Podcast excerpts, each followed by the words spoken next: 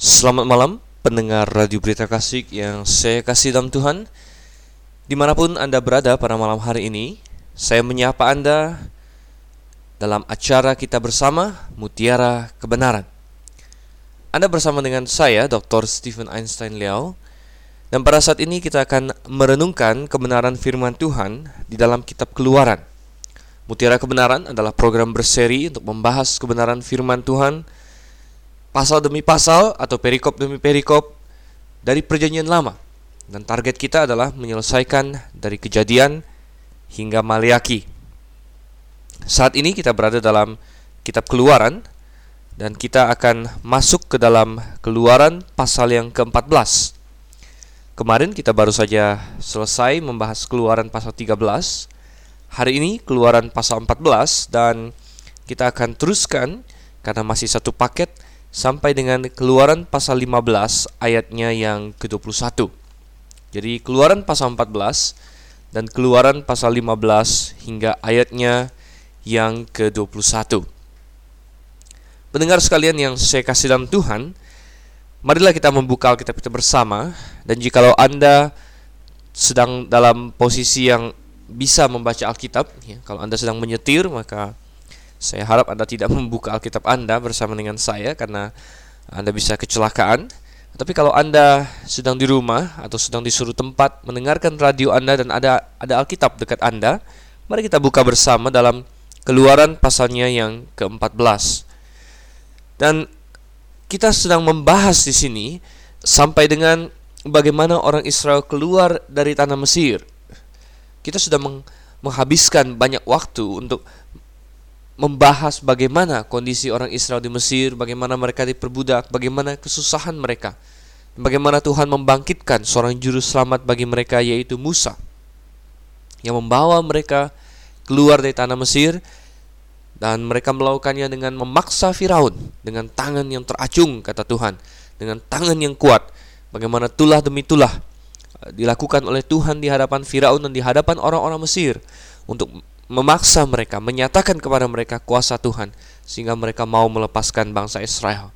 Dan kita sudah baca di pasal 12 dan pasal 13, akhirnya setelah tulah yang ke-10, kematian anak-anak sulung, orang Israel keluar dari tanah Mesir.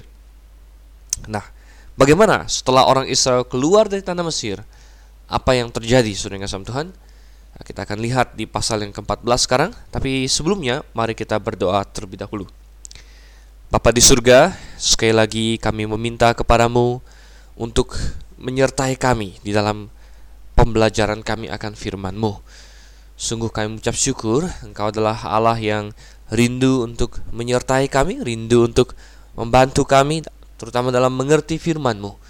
Dan kami minta rohmu yang bekerja pada saat ini ya Tuhan. Kami berdoa hanya dalam nama Yesus Kristus saja. Tuhan dan Juru Selamat kami yang hidup. Amin. Mari kita baca Keluaran pasal 14 pertama-tama ayat 1 hingga ayatnya yang keempat. Berfirmanlah Tuhan kepada Musa demikian. Katakanlah kepada orang Israel supaya mereka balik kembali dan berkemah di depan Pihahirot antara Migdol dan laut tepat di depan Baal Zephon berkemahlah kamu di tepi laut. Maka Firaun akan berkata tentang orang Israel, mereka telah sesat di negeri ini Padang gurun telah mengurung mereka. Aku akan mengeraskan hati Firaun sehingga ia mengejar mereka dan terhadap Firaun dan seluruh pasukannya aku akan menyatakan kemuliaanku sehingga orang Mesir mengetahui bahwa akulah Tuhan lalu mereka berbuat demikian. Kalau pendengar masih ingat dari sesi kita di pasal yang ke-13, kita melihat di sana Tuhan dengan sengaja tidak menuntun orang Israel langsung ke tanah Kanaan. Kalau Anda membuka peta Alkitab Anda di belakang Alkitab atau Anda ingat-ingat peta daerah Timur Tengah dari Mesir, kalau mereka ingin naik ke Kanaan, mereka bisa mengambil jalan yang menyusuri daerah pantai laut Mediterania.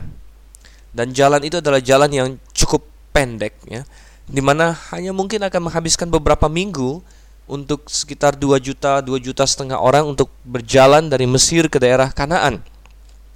Tetapi Tuhan sengaja berkata, "Aku tidak ingin uh, mengajak mereka langsung ke Kanaan." Ada beberapa alasan di sini. Yang pertama, Tuhan ingin membawa mereka ke Gunung Sinai. Di sana Tuhan ingin membuat suatu perjanjian dengan orang Israel.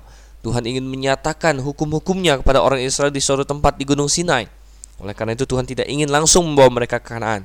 Alasan kedua, seperti yang dinyatakan dalam pasal 13 ayatnya yang ke 18 eh, ayat 17 dan 18 adalah bahwa Tuhan ingin membangkitkan dulu iman orang Israel. Dia ingin melatih orang Israel agar tough, agar kuat, agar mereka tidak cengeng. Mereka yang sudah terbiasa dengan rumah perbudakan yang walaupun disiksa, walaupun ditekan tapi mereka sudah terbiasa pasrah. Mereka terbiasa untuk menerima apa adanya. Dan kalau mereka harus berperang, maka mereka mungkin lemah. Dan Tuhan ingin agar ini semua berubah. Oleh karena itu Tuhan tidak membawa mereka langsung ke Kanaan. Tetapi kalau kita lihat di dalam pasal yang ke-14 di sini, seolah-olah mereka justru Uh, masuk ke daerah-daerah yang tidak menguntungkan bagi mereka. Dan Tuhan berkata di ayat yang kedua, katakanlah kepada orang Israel supaya mereka balik kembali, saudara yang Tuhan. Mereka memutar-mutar, mungkin mereka sudah jalan sekian jauh dan mereka balik kembali. Dan perhatikan, sebenarnya mereka sudah keluar dari daerah Mesir, tapi mereka balik kembali dan mereka berkemah di depan Pihahirot katanya antara Migdol dan laut tepat di depan Baal Zephon. Nah, kita tidak tahu persis di mana letaknya tempat-tempat ini. Bukan berarti tempat-tempat ini bukan tempat-tempat yang real, hanya kita belum tahu persis di mana mereka. Ah, tetapi yang kasih Tuhan, yang jelas tempat itu ada di depan sebuah laut. Dan Eh, banyak sekali usaha-usaha manusia untuk menentukan di mana sebenarnya letaknya ini. Saya rasa letak tepatnya tentunya hanya bisa diketahui oleh Tuhan dan laut di sini di dalam bahasa Indonesia nanti kita akan lihat diterjemahkan sebagai laut teberau ya. Sementara oleh uh, King James Version diterjemahkan sebagai laut merah atau the Red Sea ya. Dan suri kasih Tuhan, kalau kita melihat laut manakah ini, ada ada dua pendapat. Yang pertama yang biasa dipegang orang, laut ini adalah eh, yang kita sebut sebagai Teluk Suez, Saudara kasih Tuhan. Kalau Anda ingat uh, peta Timur Tengah sekali lagi, uh, dari Mesir di sampingnya itu ada semacam semacam segitiga yang diapit oleh dua teluk, Saudara. Teluk yang sebelah kiri adalah Teluk Suez dan teluk yang sebelah kanan adalah Teluk Akaba. Dan banyak orang berpikir bahwa orang Israel berkemah di tepi laut uh, Teluk Suez di situ. Dan kita akan lihat nanti ada juga orang-orang yang mengajukan bukti bahwa uh, mungkin saja orang Israel berkemah di tepi uh, Teluk Akaba. Tetapi yang jelas mereka berkemah di tepi sebuah laut. Mereka bukan bertepi di tepi bukan berkemah di tepi rawa-rawa, mereka bukan berkemah di tepi semacam uh, hamparan uh, tanah yang becek-becek oleh air sering kasih Tuhan sebagaimana yang banyak ditenggarai oleh orang-orang liberal yang tidak percaya akan mujizat Tuhan tetapi mereka dikatakan di sini berkemah di tepi sebuah laut. Kalau manusia saat ini masih belum bisa memastikan tepatnya laut yang mana, tapi kita tidak bisa meragukan firman Tuhan bahwa mereka memang berkemah di tepi sebuah laut dan rupanya Pihahirot di sini adalah tempat yang mungkin agak-agak menjorok ke dalam sehingga Firaun mulai berkata, "Hah, lihat, mereka mulai sesat dan Firaun melihat suatu peluang untuk menghancurkan orang Israel," katanya. Dan di ayat yang keempat dikatakan, "Tuhan akan mengeraskan hati Firaun sehingga ia mengejar mereka." Dan tujuannya adalah supaya Tuhan menyatakan kemuliaannya sehingga orang Mesir tahu bahwa akulah Tuhan. Kita sudah pernah membahas banyak mengenai masalah uh, Tuhan mengeraskan hati Firaun dan bagaimana hal itu dengan tanggung jawab manusia yang dimiliki oleh Firaun. Oh, sudah yang kasam Tuhan. Uh, ini bukan berarti bahwa Firaun tadinya mau baik, Firaun tadinya mau taat kepada Tuhan. Firaun tadinya beriman, lalu Tuhan setel dia untuk menjadi seorang yang jahat. Tuhan bikin dia untuk berkeras hati. Tuhan uh, dorong dia untuk mengejar orang Israel padahal tadinya dia tidak mau tadinya dia mau tenang-tenang saja tadinya dia mau uh, diam-diam di rumah menyembah Tuhan bukan saudara tidak ada yang seperti itu saya katakan bahwa walaupun dikatakan bahwa Tuhan akan mengeraskan hati Firaun di sini Nanti ketika Firaun satu hari berdiri di hadapan Tuhan dihakimi, Firaun tidak mungkin bisa berkata, Tuhan tadinya saya tidak mau mengejar orang Israel punya engkau yang paksa aku. Oh tidak, saudara kasih Tuhan, tidak seorang pun dapat berkata Tuhan memaksanya melakukan kejahatan. Uh, karena memang Tuhan tidak memaksanya. Ketika kita melihat bahwa Tuhan mengeraskan hati seseorang, Tuhan tidak mengeraskan hati orang itu berlawanan dengan keinginannya sendiri. Kita melihat bahwa Tuhan sering kali uh, membiarkan orang tersebut pada kejahatan mereka. Dan ketika Tuhan membiarkan seseorang pada kejahatan mereka, maka itu sudah seolah-olah mengeraskan hati mereka. Coba kita buka di dalam Roma pasalnya yang pertama Saudara untuk melihat suatu contoh. Roma pasal yang pertama, kalau kita lihat ayatnya yang ke-18 dan seterusnya. Ayat yang ke-18 sebab murka Allah nyata dari sorga atas segala kefasikan dan kelaliman Uh, manusia yang menindas kebenaran dengan kelaliman. Dan kalau kita baca di bawah di bawah di bawah di bawah sampai ayat yang ke-24, hukuman Tuhan bagi mereka. Ayat 24, karena itu Allah menyerahkan mereka kepada keinginan hati mereka dan kecemaran sehingga mereka saling mencemarkan tubuh mereka. Tuhan menyerahkan mereka kepada keinginan hati mereka. Ini adalah cara Tuhan untuk menghukum manusia, cara Tuhan untuk ya biarlah, biarlah engkau ikut hatimu dan ketika Roh Kudus tidak lagi bekerja pada hati seorang untuk menusuk dia bahwa apa yang kau lakukan itu salah dan tusukan-tusukan Roh Kudus, tusukan-tusukan itulah yang bisa melembutkan hati seseorang. Dan ketika Allah tidak lagi bekerja sedemikian rupa, maka itu sama dengan hatinya dibiarkan oleh Tuhan untuk berkeras dan Tuhan seolah-olah mengeraskan hatinya. Saudara kasih Tuhan, inilah yang terjadi. Firaun bukanlah seorang yang tadinya menyembah Tuhan lalu Tuhan paksa jadi menentang Tuhan. Jauh daripada itu saudara. Firaun tadinya hatinya memang sendiri sudah berkeras. Hatinya sendiri memang sudah mau untuk menentang Tuhan. Hatinya sendiri sudah sangat benci kepada orang Israel. Dan yang Tuhan lakukan di sini hanyalah membiarkan. Silakan ya, menyerahkan dia kepada keinginan hatinya. Ayat yang masih dalam Roma, saudara. Coba kita lihat masih dalam Roma pasal 1 ayat 26. Karena itu Allah menyerahkan mereka kepada hawa nafsu yang memalukan. Bukan artinya Tuhan yang membuat mereka punya hawa nafsu yang memalukan.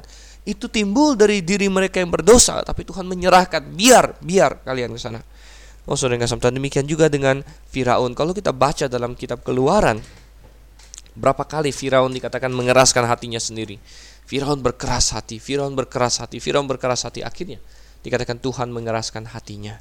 Tuhan mengeraskan hatinya, artinya Tuhan membiarkan, menyerahkan dia kepada keinginan hatinya. Saudara, Tuhan mengeraskan hati seseorang dan Tuhan Tuhan bilang aku akan mengeraskan hati Firaun.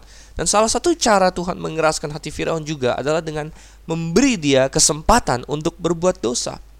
Dengan uh, mem memberi dia kesempatan untuk mengeraskan hatinya. Kadang-kadang kita baca dalam tulah-tulah bahwa ketika sedang dalam dahsyat-dahsyatnya tulah Firaun seolah-olah mau bertobat. Oh ampun katanya, tolong doakan aku. Dia panggil Musa, berdoalah kepadaku, uh, berdoalah kepada Tuhan untuk aku katanya.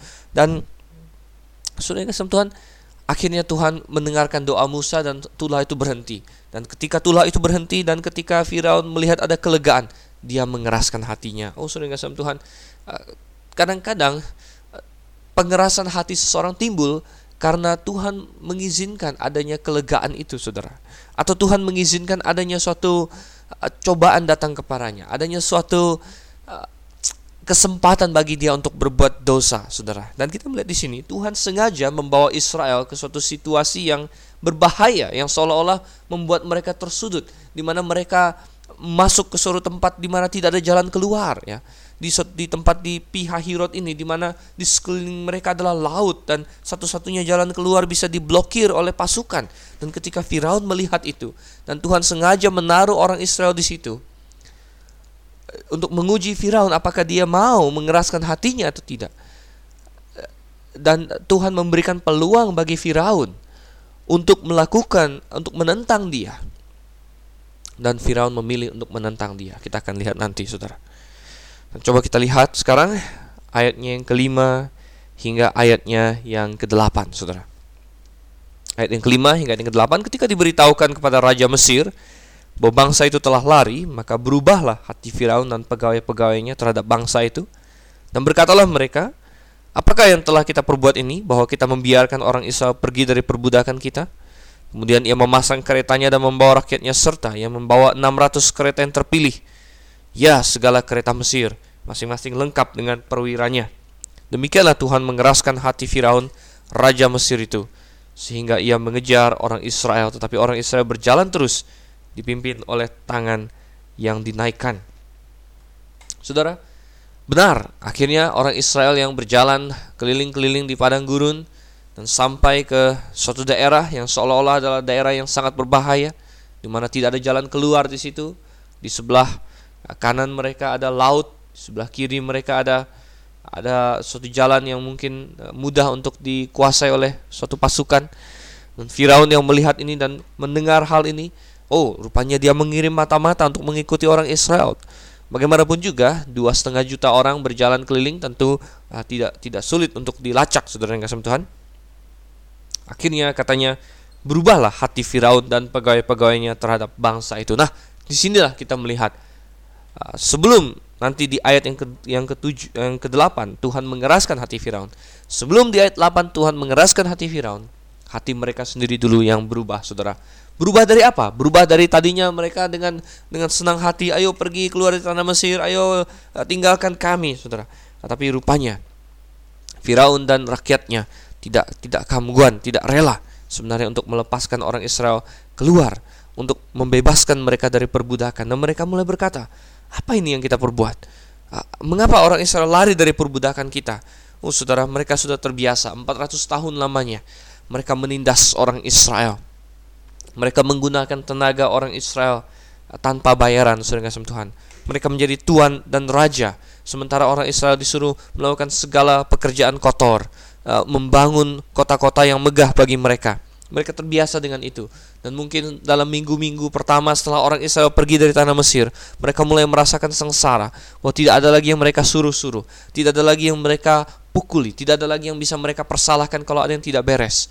Tidak ada lagi yang seperti itu. Dan mereka mulai merasa, oh, oh kita tidak tahan dengan seperti ini. Ayo kita harus menangkap orang Israel kembali. Untuk menjadikan mereka budak-budak kita. Sering Tuhan.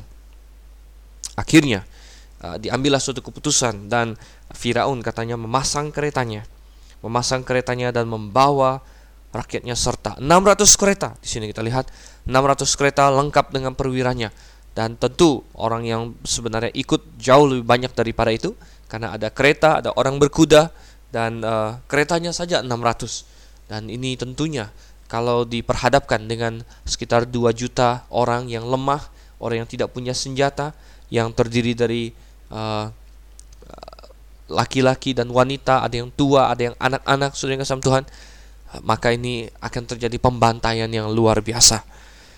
Tetapi di ayat yang ke-8b dikatakan orang Israel berjalan terus dipimpin oleh tangan yang dinaikkan.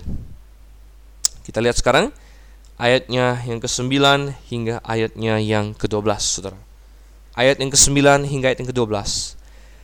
Adapun orang Mesir, segala kuda dan kereta Firaun, orang-orang berkuda dan pasukannya mengejar mereka dan mencapai mereka pada waktu mereka berkemah di tepi laut dekat Pihahirot di depan Baal Zephon. Ketika Firaun telah dekat, orang Israel menoleh, maka tampaklah orang Mesir bergerak menyusul mereka. Lalu sangat ketakutanlah orang Israel dan mereka berseru-seru kepada Tuhan. Dan mereka berkata kepada Musa, Apakah karena tidak ada kuburan di Mesir, maka engkau membawa kami untuk mati di padang gurun ini? Apakah yang kau perbuat ini terhadap kami dengan membawa kami keluar dari Mesir? Bukankah ini telah kami katakan kepadamu di Mesir? Janganlah mengganggu kami dan biarlah kami bekerja pada orang Mesir. Sebab lebih baik bagi kami untuk bekerja pada orang Mesir daripada mati di padang gurun ini. Saudara, kita melihat di ayat ke-9 pengejaran yang dilakukan oleh Firaun Orang-orang berkudanya, pasukannya, kereta-keretanya, kita bisa membayangkan mereka datang dengan penuh amarah. Mereka datang penuh dengan dendam.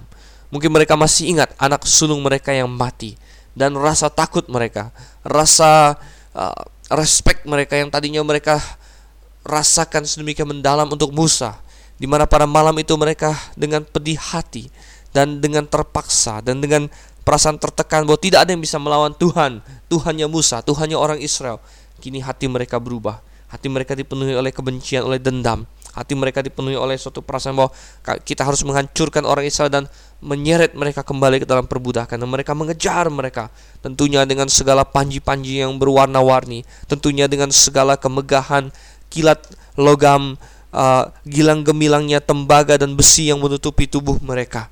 Dengus kuda yang penuh dengan nafsu dan keberanian. Sudah kasih Tuhan mereka mengejar. Oh mungkin mereka berpikir dibandingkan dengan orang Israel yang tidak punya senjata apa yang bisa mereka perbuat? Eh, dibandingkan dengan orang Israel yang tidak tahu berperang yang setiap hari hanya uh, menjadi budak saja apa yang bisa diperbuat mereka? Orang-orang kita yang kekar prajurit-prajurit kita yang terlatih dibandingkan dengan anak-anak dan perempuan-perempuan tua apa yang bisa mereka perbuat? Dan sering kasih Tuhan Ternyata bukan hanya musuh yang berpikir demikian, orang Israel pun berpikir demikian. Karena dikatakan di ayat 10 ketika mereka menoleh dan mereka melihat orang Mesir itu bergerak menyusul. Mungkin dari jauh saudara kasih Tuhan sudah terlihat asap mereka, debu yang diterbangkan saudara kasih Tuhan. Anda tahu kalau misalnya seseorang itu uh, berjalan di padang gurun, apalagi kalau suatu rombongan berjalan di padang gurun akan menimbulkan uh, asap atau debu yang yang banyak sekali dan pergerakan suatu pasukan besar seperti yang dibawa oleh Firaun di sini tentunya akan terlihat dari jauh Saudara dan mereka orang Israel melihat itu dan mereka mulai ketakutan dan mereka mulai berseru-seru dan Saudara ini adalah ujian pertama yang Tuhan berikan terhadap iman mereka Sungguhkah mereka mau percaya kepada Tuhan? Oh, iman mereka masih lemah, saudara, dan mereka masih akan ketakutan dan banyak bersungut-sungut. Tapi ini adalah pelajaran yang Tuhan berikan. Tuhan ingin menyatakan kemuliaannya, bukan hanya kepada orang Mesir, tapi juga kepada orang Israel. Tapi kita melihat di sini orang Israel betapa lemah iman mereka. Mereka sudah keluar dari Mesir, tetapi kini di, menghadapi tantangan pertama mereka ketakutan. Dan di ayat 11 dikatakan uh, mereka bersungut-sungut, bersungut-sungut kepada Musa, sudah kasih Tuhan. Mereka mulai mulai menuduh Musa. Apa karena tidak ada kuburan di Mesir engkau membawa kami mati di padang gurun? Apa yang kau perbuat ini sehingga engkau membawa kami keluar dari Mesir? Oh, saudara sama Tuhan, sudah lupa mereka bahwa adalah mereka yang pertama kali meminta-minta tolong untuk keluar dari Mesir. Sudah lupa mereka bagaimana mereka menjerit kepada Tuhan. Oh, keluarkan kami dari tanah perbudakan ini. Tapi sekarang dengan adanya masalah mereka mulai berkata apa? Mengapa engkau membawa kami keluar dari Mesir? Oh, saudara, betapa betapa piciknya manusia, betapa uh, sempitnya pandangan manusia. Bahkan dengan nada yang sangat ironis mereka berkata, apa tidak ada kuburan di Mesir? Sehingga kami harus mati padang gurun. Ini adalah suatu uh, pernyataan yang sangat sarkastik saudara. Karena Mesir adalah negeri yang uh, berspesialisasi dalam kuburan sebenarnya. Piramid-piramid besar yang didirikan di Mesir yang saat ini menjadi objek wisata. Itu adalah uh, kuburan yang sangat megah bagi Firaun-Firaun. Dan Mesir adalah suatu tanah yang sangat bangga dengan kuburan-kuburan mereka dengan cara mereka memperlakukan orang mati. Di mana uh, teknik mumifikasi disempurnakan sedemikian rupa dan kemudian mereka membangun kuburan-kuburan yang megah untuk orang-orang mereka piramid-piramid semakin besar seorang raja semakin tinggi kedudukannya semakin hebat kehormatan dan kuasanya semakin besar uh, kuburannya Mesir adalah negeri yang spesialisasi dalam kuburan, saudara. Dan orang Israel dengan sarkastik bertanya kepada Musa, apa kamu takut tidak ada tempat lagi kuburan untuk kami di Mesir sehingga kami harus mati padang gurun? Saudara yang kasih Tuhan. Ini sungguh suatu uh, hal yang luar biasa sekali.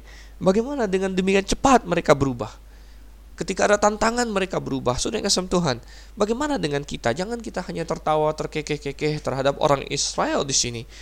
Ketika orang Kristen, ketika seorang percaya kepada Yesus Kristus, ketahuilah bahwa iblis tidak akan tinggal diam. Iblis akan menyerang orang itu. Iblis akan mendatangkan kesusahan kepadanya. Apakah engkau akan berbalik dan berkata, "Oh, untuk apa saya percaya Tuhan?" Apakah engkau akan mulai menyesal dan berkata, andai saya masih dalam dunia ini, andai saya masih adalah budak dunia. Oh, saudara kasih Tuhan, dunia adalah spesialis kuburan, saudara. Saya katakan bahwa dunia adalah spesialis kuburan karena tidak ada apa-apa, tidak ada pengharapan di sana selain daripada kematian saja. Anda boleh buka dalam kejadian pasalnya yang kelima. Ini sudah pernah kita bahas dalam kitab kejadian, kejadian pasal 5 sering disebut sebagai uh, kitab kuburan dalam Alkitab. Kitab kuburan kenapa? Karena di situ uh, menceritakan Adam hidup sampai tahun umur sekian melahirkan anak sekian masih hidup sekian tahun lagi kemudian dia mati. Anaknya Seth hidup sampai tahun sekian melahirkan si ini hidup lagi sekian tahun lalu mati.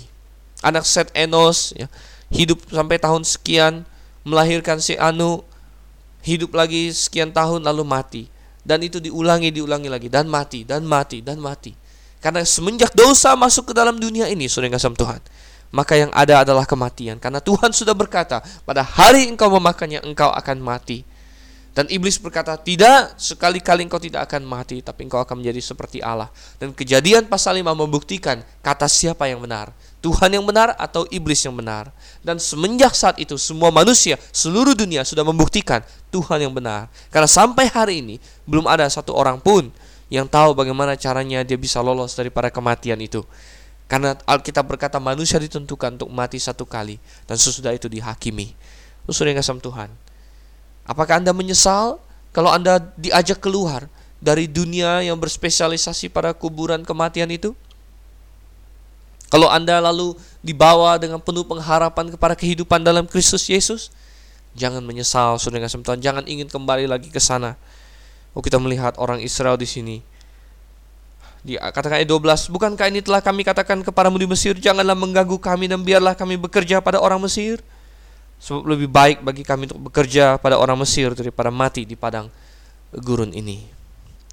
Apa jawab Musa, saudara? Apa jawab Musa? Kita baca ayat yang ke-13 dan 14. Tetapi berkatalah Musa kepada bangsa itu, Janganlah takut, berdirilah tegap tetap, dan lihatlah keselamatan dari Tuhan yang akan diberikannya hari ini kepadamu. Sebab orang Mesir yang kamu lihat hari ini tidak akan kamu lihat lagi untuk selama-lamanya. Tuhan akan berperang untuk kamu, dan kamu akan diam saja. Musa di sini penuh iman dalam Tuhan berkata, "Jangan takut. Jangan takut." Oh, Saudara, betapa kita perlu pemimpin-pemimpin seperti Musa hari ini. Pemimpin yang bisa berdiri tegak di hadapan uh, segala kesulitan berkata, "Jangan takut." Yang menguatkan umat Tuhan, yang menunjukkan kepada mereka keselamatan dari Tuhan, Saudara.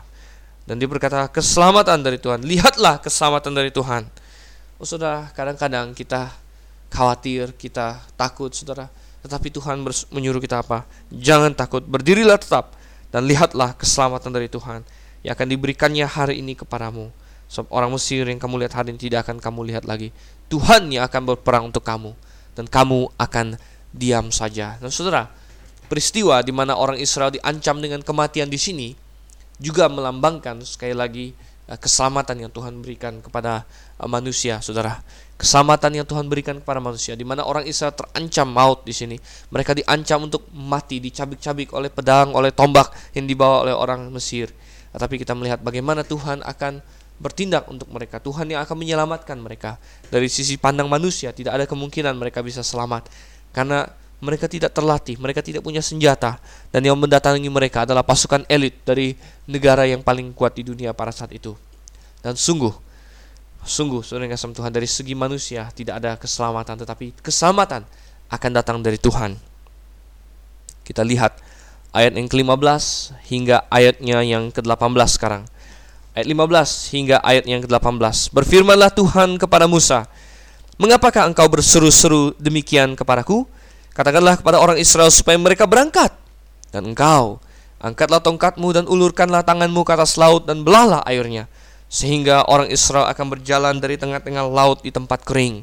Tetapi sungguh aku akan mengeraskan hati orang Mesir sehingga mereka menyusul orang Israel dan terhadap Firaun dan seluruh pasukannya, keretanya dan orangnya yang berkuda, aku akan menyatakan kemuliaanku.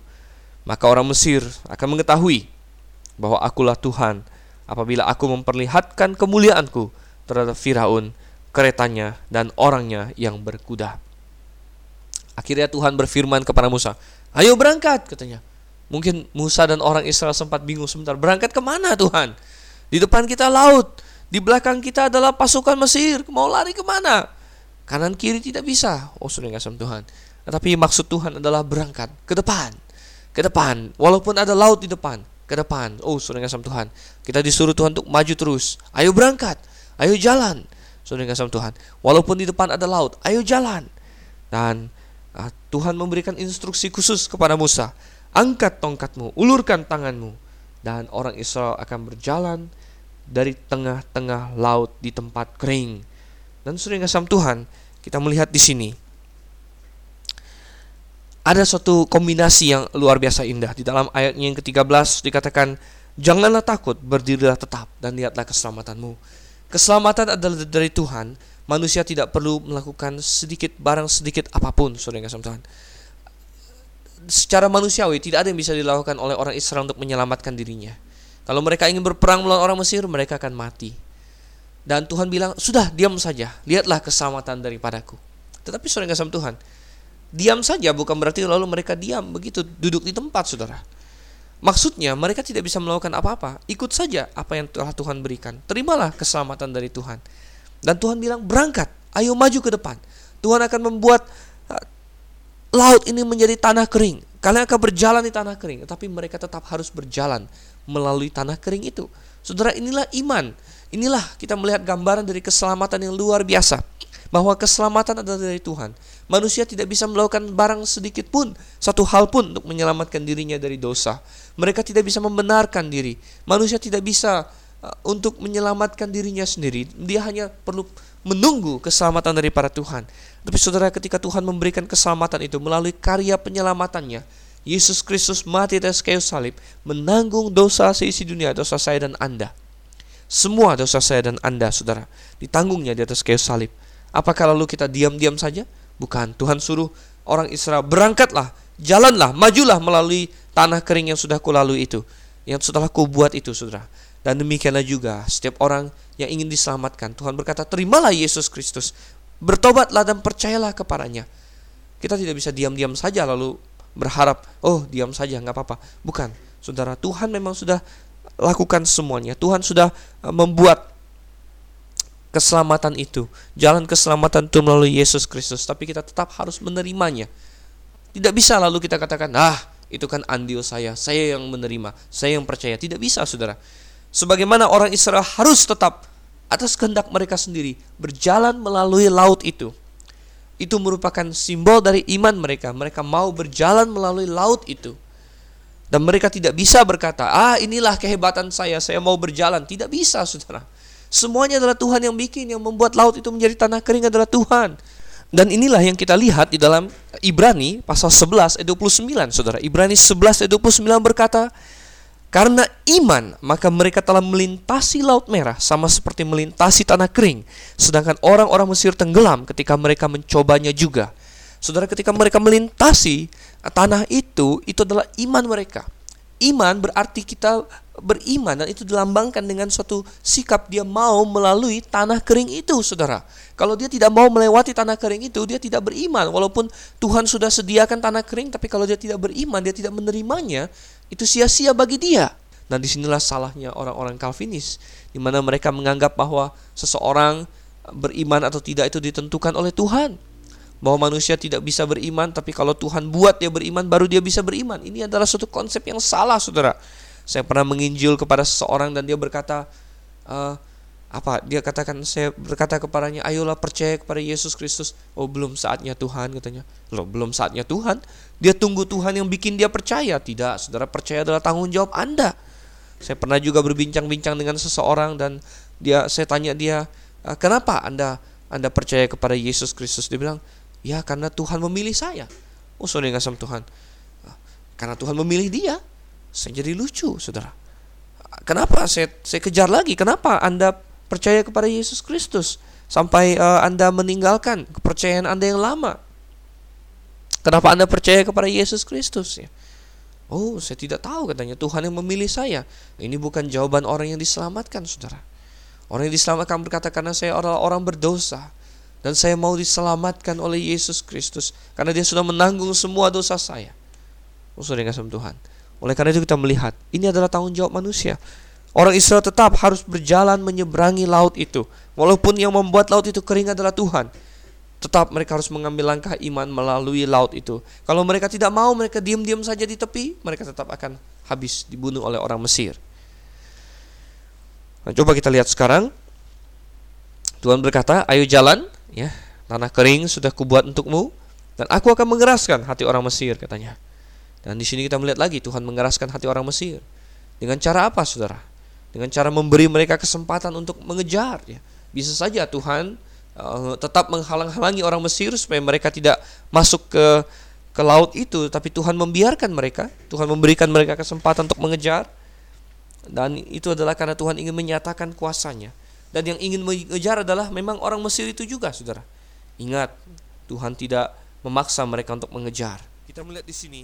Coba kita lihat sekarang ayatnya yang ke-19 yang tadinya berdiri sampai ayatnya itu, yang ke-20. Dan malaikat Allah ini Ayat saya 19 percaya tidak lain ayat yang adalah 20. Yesus Kristus sendiri. Kemudian bergeraklah malaikat Sebelum Allah yang tadinya berjalan di depan tentara Israel lalu sebelum dia datang berjalan dalam di belakang daging, mereka. Seringkali Tiang awan itu bergerak dari depan mereka Tuhan. lalu Tuhan berdiri di belakang mereka. semua. Demikianlah tiang itu berdiri di antara tentara orang sebagai malaikat Allah. Israel. Dan kata malaikat di sini, malaikat memiliki pengertian dasar seorang pembawa Maka berita. malam itu lewat sehingga yang satu tidak dapat Dan malaikat Tuhan lain. tidak lain adalah Semalam-malaman. Yehova sendiri atau Yesus Kristus sendiri dan di sini disebut sebagai malaikat Allah dan dia menyertai orang Israel dan dia ada di dalam tiang awan itu dan untuk menyelamatkan orang Israel maka Allah sendiri ikut berperang dan dia pindah ke belakang ke barisan belakang untuk menjadi benteng menjadi pemisah antara pasukan Mesir yang sedang bergerak dengan orang Israel dan eh, kita bisa membayangkan bagaimana tiang ini ingat bahwa ada tiang awan dan tiang api yang mengikuti orang Israel dan mungkin yang menghadap ke bagian orang Mesir adalah tiang awan dan yang menghadap ke bagian orang Israel adalah tiang api. Sehingga orang Mesir tidak bisa melihat kepada orang Israel dan katanya semalam-malaman mereka tidak bisa saling mendekat. Sementara orang Israel tetap memiliki suatu pencahayaan yang cukup bagi mereka untuk menyeberangi laut itu. Kita lihat ayat yang ke-21 hingga ayat yang ke-22. Lalu Musa mengulurkan tangannya ke atas laut dan semalam-malaman itu Tuhan menguakkan air laut dengan perantaraan angin timur yang keras membuat laut itu menjadi tanah kering maka terbelahlah air itu. Demikianlah orang Israel berjalan dari tengah-tengah laut di tempat kering sedang di kiri dan di kanan mereka air itu menjadi tembok bagi mereka. Saudara Musa mengulurkan tangannya dan terjadilah suatu mukjizat yang luar biasa. Mukjizat yang selalu diingat oleh orang Israel uh, turun temurun saudara yang kasih Tuhan di mana angin yang keras datang. Oh, mungkin ada orang bertanya, ini bukan mukjizat, ini adalah angin. Saudara kasih Tuhan, janganlah Anda sepicik itu. Saudara, Tuhan bisa dalam mengerjakan mukjizatnya untuk memakai berbagai hal-hal natural, tapi kombinasi dari berbagai hal membuat itu tetap suatu mukjizat. Memang Tuhan menggunakan perantaran angin, tetapi itu adalah mukjizat, Saudara. Karena angin yang normal, angin yang biasa tidak ada yang bisa sampai membelah laut. Tetapi di sini kita melihat anginnya sedemikian rupa sehingga laut itu terbelah, Saudara. Dan terlihatlah suatu suatu jalur, suatu jalur kering, Saudara. Dan eh, bahkan sampai dengan air itu menjadi tembok di sebelah kanan di sebelah kiri orang Israel. Kita lihat sekarang ayat yang ke-23 sampai dengan ayatnya yang ke-25. Ayat 23 sampai yang 25. Orang Mesir mengejar dan menyusul mereka segala kuda Firaun, keretanya dan orangnya yang berkuda sampai ke tengah-tengah laut. Dan pada waktu jaga pagi, Tuhan yang di dalam tiang api dan awan itu memandang kepada tentara orang Mesir. Lalu dikacaukannya tentara orang Mesir itu. Ia membuat roda keretanya berjalan miring dan maju dengan berat. Sehingga orang Mesir berkata, Marilah kita lari meninggalkan orang Israel. Sebab Tuhanlah yang berperang untuk mereka melawan Mesir. Kita lanjutkan saja ayat 26 sampai ayat 31. Sekalian saya bacakan saudara. Berfirmanlah Tuhan kepada Musa, Ulurkanlah tanganmu ke atas laut supaya air berbalik meliputi orang Mesir, meliputi kereta mereka dan orang mereka yang berkuda. Musa mengulurkan tangannya ke atas laut, lalu maka menjelang pagi, berbaliklah air laut ke tempatnya, sedang orang Mesir lari menuju air itu. Demikianlah Tuhan mencampakkan orang Mesir ke tengah-tengah laut. Berbaliklah segala air itu lalu menutupi kereta dan orang berkuda dari seluruh pasukan Firaun yang telah menyusul orang Israel itu ke laut. Seorang pun tidak ada yang tinggal dari mereka. Tetapi orang Israel berjalan di tempat kering dari tengah-tengah laut, sedang di kiri dan di kanan mereka air itu sebagai tembok bagi mereka. Demikianlah pada hari itu Tuhan menyelamatkan orang Israel dari tangan orang Mesir. Dan orang Israel melihat orang Mesir mati terhantar di pantai laut. Ketika dilihat oleh orang Israel betapa besarnya perbuatan yang dilakukan Tuhan terhadap orang Mesir, maka takutlah bangsa itu kepada Tuhan dan mereka percaya kepada Tuhan dan kepada Musa hambanya itu. Kita melihat di sini suatu mukjizat yang luar biasa, saudara. Pertama-tama ada konfirmasi bahwa malaikat Allah itu sungguh tidak lain adalah Tuhan Yehova sendiri. Ayat yang ke-24, pada waktu jaga pagi Tuhan yang di dalam tiang api dan awan itu Oh saudara Tuhan ya Yehova di sini huruf besar semua dan tidak lain adalah Yesus Kristus. Mengapa? Karena di dalam perjanjian baru dikatakan tidak ada seorang pun yang pernah melihat Tuhan, tidak pernah melihat Bapa selain Anak yang menyatakannya. Jadi kita melihat di sini ya, Allah Bapa tidak pernah dilihat oleh manusia, sedangkan di dalam Alkitab sering kali ada orang yang melihat Tuhan. Maka itu adalah Yesus Kristus dan di sini kita percaya adalah Yesus Kristus sendiri. Dan Yesus Kristus sama dengan uh, dia memiliki nama Yehova juga. Dan kasih Tuhan. Kita melihat Tuhanlah yang berperang bagi orang Israel dan ketika orang Mesir melihat bahwa orang Israel sedang berjalan di tengah laut, oh seharusnya mereka sadar, seharusnya mereka berkata, "Uh, hebat sekali ini tidak pernah terjadi." Mari kita muliakan Tuhan. Tetapi yang sebaliknya, mereka sudah buta akan kebencian di dalam hati mereka, akan uh, rasa rasa benci mereka, amarah mereka, dendam mereka dan mereka mengejar dengan sama Tuhan. Tidak terpikir oleh mereka bahwa ini adalah suatu kejadian yang luar biasa, suatu kejadian yang supranatural. Tuhan yang mampu membelah laut bagi umatnya, oh, tentu bukanlah Tuhan yang main-main, bukanlah Tuhan yang pantas untuk kita tantang, saudara. Tetapi Firaun dengan kerasnya menyuruh anak buahnya untuk maju dan bodohlah anak buah yang mau mengikuti raja yang seperti itu. Bodohlah tentara yang mau mengikuti rajanya sampai kepada maut melawan Tuhan yang hidup tetapi mereka maju, mereka maju dan Tuhan berperang melawan mereka. Dikatakan keretanya dibuat menjadi lambat, ya roda-rodanya jeblok. Mungkin dengan perantaran-perantaran hal-hal yang natural juga, saudara. Mungkin dengan perantaraan uh, tanah yang lembek di dasar laut itu, mungkin dengan perantaraan berbagai hal, tapi juga secara supranatural. Dan kita melihat di sini suatu mukjizat yang besar sekali. Dan ketika mereka berada di tengah-tengah itulah laut itu tiba-tiba kembali lagi. Ketika semua orang Israel sudah naik dengan selamat ke tepian, laut itu tiba-tiba kembali lagi dan orang Mesir yang tadinya sudah ketakutan berkata, "Ah, kita lari, Tuhan yang berperang untuk mereka. Ayo kita lari, kita tinggalkan tempat ini." Tetapi belum sempat mereka lari dari tempat itu, air kembali dan menghanyutkan dan membunuh mereka semua. Oh, Saudara, suatu mukjizat yang begitu besar. Air menjadi tembok, Saudara, sebelah kiri dan sebelah kanan. Saya yakin orang Israel tidak akan pernah lupa akan hal ini. Dan ini dicatat bagi mereka. Bahkan di ayat 31 dikatakan mereka menjadi takut kepada Tuhan dan percaya kepadanya. Saudara, inilah yang Tuhan inginkan. Inilah mengapa Tuhan kadang-kadang membawa kita ke tempat-tempat yang sulit. Inilah mengapa Tuhan kadang-kadang membiarkan kita dalam posisi yang terpojok supaya kita lalu diselamatkan oleh Tuhan, supaya lalu kita merasakan kuat kuasanya dan kita takut kepadanya dan percaya kepadanya. Oh saudara, eh, dalam mara bahaya, dalam kesulitan ada ada tujuan Tuhan di dalamnya. Allah bekerja dalam segala sesuatu untuk mendatangkan kebaikan. Ia membuat segala sesuatu indah pada waktunya. Saya rasa ketika orang Israel berada di seberang itu, mereka tidak lagi tidak lagi menghujat Musa, mereka tidak lagi bersungut-sungut, mereka bisa melihat, oh betapa indah pekerjaan Tuhan. Saking indahnya, saking hebatnya mukjizat ini, saudara, banyak orang yang tidak mau percaya. Oh, mereka mengatakan ini tidak terjadi, atau mereka mencoba untuk mencari suatu uh, penjelasan yang natural, penjelasan alami. Oh, katanya mungkin mereka bukan berjalan melalui laut beneran, dan mereka mulai menggunakan bahasa Ibrani, bahasa ini, bahasa itu untuk mencoba membuktikan Wah, ini bahasa Ibrani-nya adalah Yamsuf katanya. Laut uh, laut merah ini adalah Yamsuf dan sering mereka terjemahkan sebagai laut teberau. Jadi mereka bilang, oh, ini laut teberau." Teberau ini adalah semacam uh, rumput-rumput uh, yang tumbuh di air-air, Saudara. Dan mereka berkata, "Ah, ini bukan laut beneran. Ini adalah semacam danau rawa-rawa kecil yang ditumbuhi oleh oleh teberau-teberau ini dan orang Israel hanya berjalan melalui air yang hanya setinggi mata kaki yang paling sampai selutut saja katanya. Oh sudah kasih Tuhan Mereka mencoba untuk menjelaskannya secara alami Tetapi ini adalah suatu mukjizat yang nyata Mereka berada di tepi laut Itu laut yang benar saudara Mereka bukan berada di tepi rawa-rawa yang yang yang ada tumbuh-tumbuhannya Bukan saudara Karena kalau demikian adanya Maka tidak mungkin kereta dan orang-orang berkuda Mesir sampai tenggelam di dalam rawa-rawa bukan? Oh, ini adalah suatu hal yang aneh. Bagaimanapun juga catatan Alkitab tidak bisa dijelaskan secara alami. Saudara, secara arkeologis sebenarnya ada bukti yang mendukung bahwa sungguh kejadian yang dicatat di sini benar-benar terjadi. Adalah seorang arkeolog bernama Ron Wyatt. Ron Wyatt Anda boleh cek ya eh, karya-karya dia dan dia adalah seorang arkeolog yang banyak melakukan penelitian.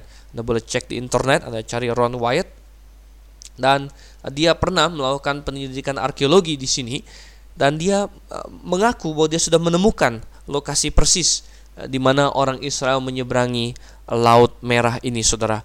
Dan menurut dia, Laut Merah yang dimaksud di sini adalah Teluk Akaba. Memang secara tradisional orang percaya bahwa orang Israel menyeberangi Teluk Suez.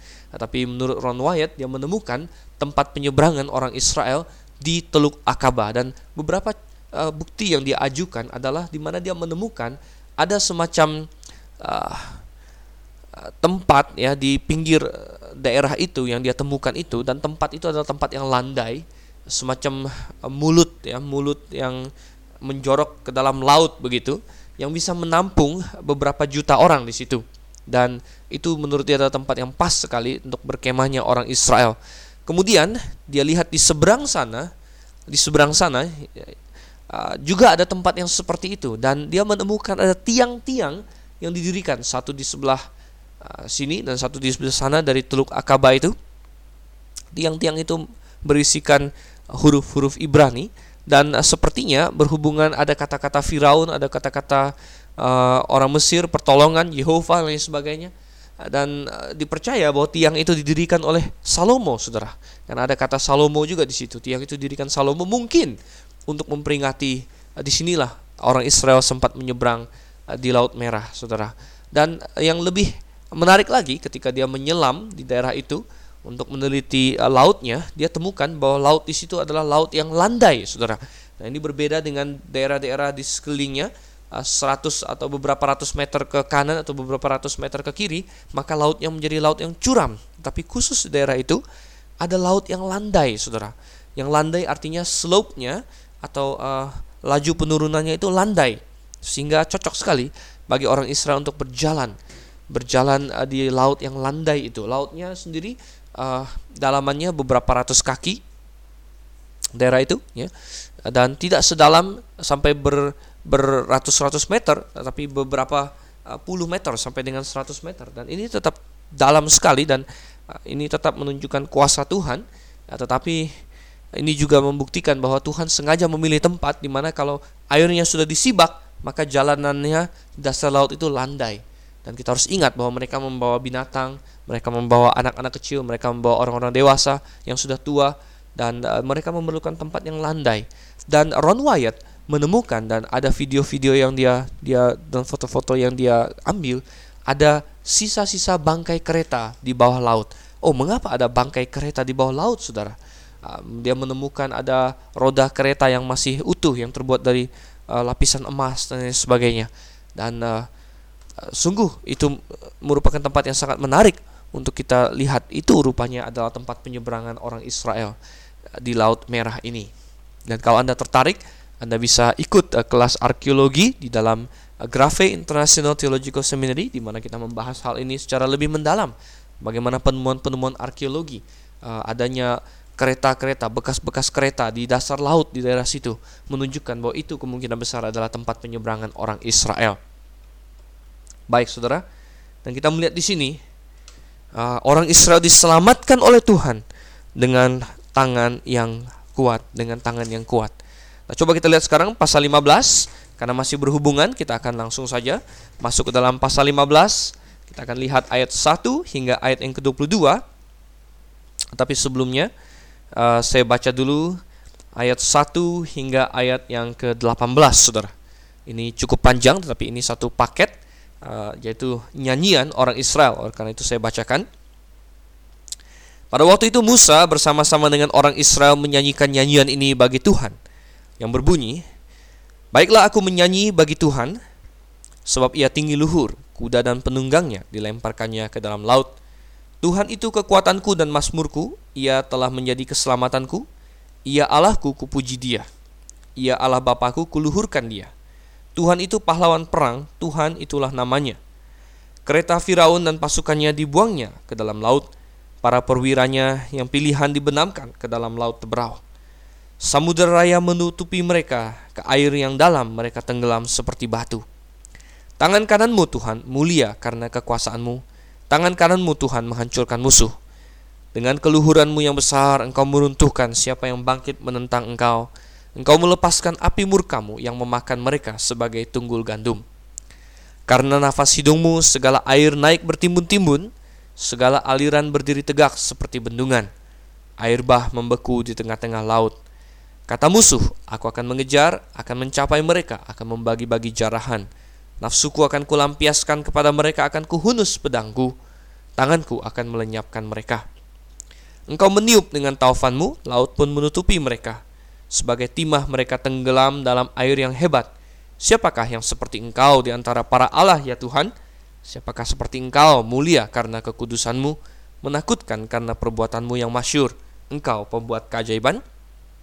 Engkau mengulurkan tangan kananmu, bumi pun menelan mereka. Dengan kasih setiamu engkau menuntun umat yang telah kau tebus. Dengan kekuatanmu engkau membimbingnya ke tempat kediamanmu yang kudus. Bangsa-bangsa mendengarnya, mereka pun menggigil. Kegentaran menghinggapi penduduk tanah Filistin pada waktu itu gemparlah para kepala kaum di Edom, kedahsyatan menghinggapi orang-orang berkuasa di Moab. Semua penduduk tanah Kanaan gemetar. Ngeri dan takut menimpa mereka karena kebesaran tanganmu mereka kaku seperti batu. Sampai umatmu menyeberang ya Tuhan, sampai umat yang kau peroleh menyeberang. Engkau membawa mereka dan kau cangkokkan mereka di atas gunung milikmu sendiri. Di tempat yang telah kau buat kediamanmu ya Tuhan, di tempat kudus yang didirikan tanganmu ya Tuhan, Tuhan memerintah kekal selama-lamanya. Luar biasa sekali, saudara. Kita melihat di sini orang Israel dipenuhi dengan rasa syukur, dipenuhi dengan rasa takjub. Mereka langsung menyanyi bagi Tuhan. Hilanglah uh, segala sungut-sungut mereka di seberang sana. Dan ketika mereka menyeberang dengan iman, sungut-sungut kesusahan berubah menjadi nyanyian. Inilah yang seharusnya terjadi pada setiap orang yang percaya kepada Tuhan, yang sudah mengambil perjalanan iman itu, yang sudah dengan iman mengambil janji-janji Tuhan. Seharusnya segala keluh kesah berubah menjadi nyanyian. Di dalam kitab Ayub, Ayub 35 ayat yang ke-10 dikatakan bahwa Tuhan adalah Tuhan yang memberikan nyanyian pujian di waktu malam. Dia memberikan nyanyian pujian di waktu malam, di malam yang kelam dan pekat sekalipun, asal Anda beriman kepadanya kesusahan Anda berubah menjadi pujian. Dan saya heran hari ini kalau misalnya ada orang Kristen yang tidak suka menyanyi, saudara kasih Tuhan, seharusnya itu menjadi kesukaan kita. Seharusnya itu menjadi hal yang muncul dari hati kita. Kita menyanyi. Dan tentu nyanyian kita berbeda dengan nyanyian Mesir, berbeda dengan nyanyian dunia. Berbeda dengan nyanyian yang dinyanyikan oleh kaum-kaum yang tidak mengenal Tuhan. Kita tidak memakai lagu-lagu rock and roll, lagu-lagu pop, lagu-lagu dengan nada-nada yang jazz, blues, rap, rock, kontemporer Christian music, saudara. Kita tidak pakai itu karena itu tidak cocok untuk memuji Tuhan. Ia memberikan lagu baru katanya. Lagu baru bukan berarti lagu yang dibikin paling baru, saudara. Tapi lagu baru berarti lagu yang berbeda dengan dunia ini. Dunia adalah lagu lama kita sebelum kita diselamatkan. Tapi kita memiliki lagu baru. Lagu yang berbeda dengan dunia ini. Saudara, Sedemikian ingatnya bangsa Israel akan kejadian ini dan seharusnya juga kita sehingga ini dicatatkan dalam berbagai hal mereka dalam Mazmur 139 eh, misalnya Saudara. Oh sorry 136. Dalam Mazmur 136 ini disebutkan ya.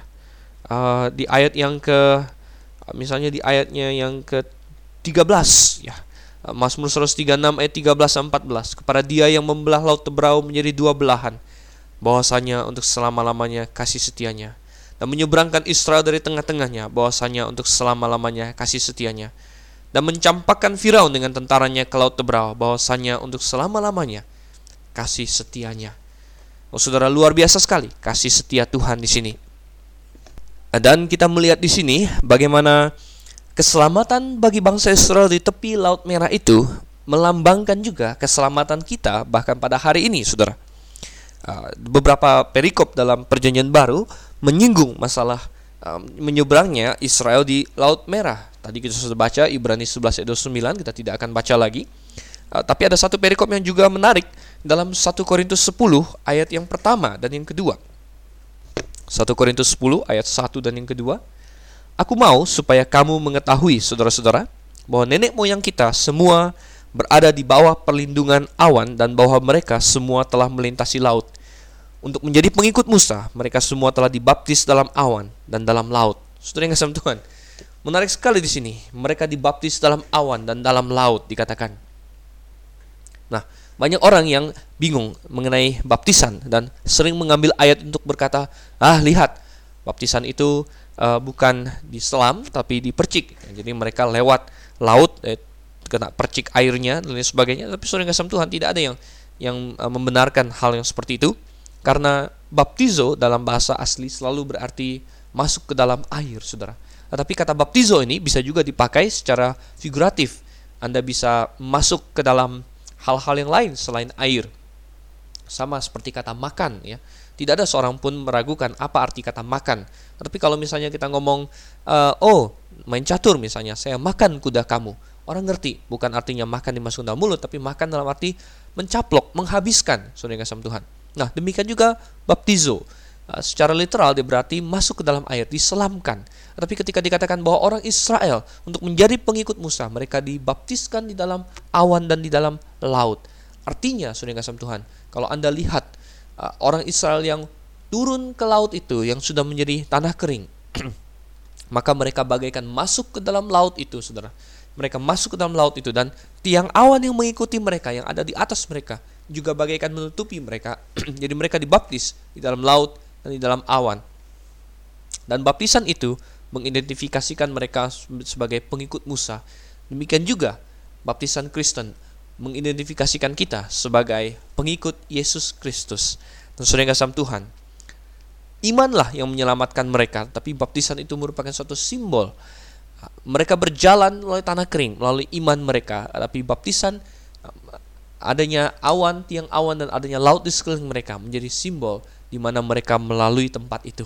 Demikian juga dengan baptisan, saudara kasih Tuhan. Kembali ke dalam keluaran pasal yang ke-15 di sini nyanyian yang begitu luar biasa dan ini bisa kita bahas dari berbagai sisi. Intinya adalah memuliakan Tuhan, bagaimana menceritakan apa yang telah Tuhan lakukan. Demikian juga seharusnya lagu dan puji-pujian kita tidak usah susah-susah, hanya perlu menceritakan apa yang telah Tuhan lakukan untuk kita. Sudahkah Anda diselamatkan? Apakah Anda memiliki pujian bagi Dia? Kalau tidak, saudara yang Tuhan, berilah dirimu diselamatkan hari ini tapi kalau Anda sudah diselamatkan, marilah kita memuliakan namanya. Ayat 19 sampai ayat 21. Ketika kuda Firaun dengan keretanya dan orangnya yang berkuda telah masuk ke laut, maka Tuhan membuat air laut berbalik meliputi mereka. Tetapi orang Israel berjalan tempat kering dari tengah-tengah laut. Lalu Miriam Nabiah itu, saudara perempuan Harun mengambil rebana di tangannya, dan tampillah semua perempuan mengikutinya, memukul rebana serta menari-nari. Dan menyanyilah Miriam memimpin mereka. Menyanyilah bagi Tuhan, sebab ia tinggi luhur, kuda dan penunggangnya dilemparkannya ke dalam laut. Pujian dari segala sisi, pujian dari orang Israel dari Musa, dan kini dari Miriam juga, saudara. Dan uh, kita tidak bisa berkata, ah lihat, di sini uh, mereka menyanyi, ya, mereka menari-nari. Jadi kita juga boleh menari-nari. Oh, sudah kasih Tuhan. Tidak ada yang salah dengan menari-nari bagi Tuhan asal itu sopan dan teratur, ya. Tapi dalam gereja, saudara yang kasih Tuhan, yang penting adalah sopan dan teratur ya. Dan kalau semua orang menari-nari menjadi kacau, maka itu tidak lucu lagi, saudara. Dan kita harus ingat bahwa mereka sedang berdiri di tepi laut di sini. Mereka sedang berdiri di tepi laut, mereka sedang uh, menari-nari. Uh, itu boleh saja dan saya yakin tarian mereka juga bukan tarian yang kacau, yang sensual, yang seperti yang ditawarkan oleh dunia ini, tapi tarian yang uh, sungguh-sungguh sopan, tarian yang uh, luar biasa manis untuk Tuhan. Nah, kalau kita berada di gereja, ya, maka kita juga menjaga keteraturan dan kerapian gereja itu, saudara, agar jangan orang masuk dan mengira kita sedang seperti suatu diskotik. Nah, kita melihat di sini mereka menari-nari bagi Tuhan. Dan dalam perjanjian baru ada satu lagi bagian firman Tuhan dalam Wahyu saja kita lihat Wahyu 15 ayatnya yang ketiga. Wahyu 15 ayat yang ketiga Ah, di sini di sorga, saudara. Di sorga orang-orang kudus yang mengalahkan antikristus dan binatang itu yang tidak mau menyembahnya dikatakan di Wahyu 15 ayat 3 dan mereka menyanyikan nyanyian Musa hamba Allah dan nyanyian anak domba bunyinya besar dan ajaib segala pekerjaanmu ya Tuhan Allah yang maha kuasa adil dan benar segala jalanmu ya Raja segala bangsa dan yang keempat siapakah yang tidak takut ya Tuhan dan yang tidak memuliakan namamu Sebab engkau saja yang kudus, karena semua bangsa akan datang dan sujud menyembah engkau, sebab telah nyata kebenaran segala penghakimanmu. Nyanyian Musa dan nyanyian anak domba, di manakah Musa tercatat menyanyi? Salah satunya adalah keluaran pasal yang ke-15 ini, di mana dia mengagungkan Tuhan. Dan dikatakan setiap orang yang percaya nanti di sorga juga akan menyanyikan nyanyian yang seperti nyanyian Musa itu. Maukah Anda mulai menyanyi dalam hati Anda bahkan pada hari ini? Saya Dr. Sifan Ansan Liao undur diri dulu dari harapan Anda. Semoga pembahasan kita pada hari ini menjadi berkat rohani bagi Anda. Maranatha.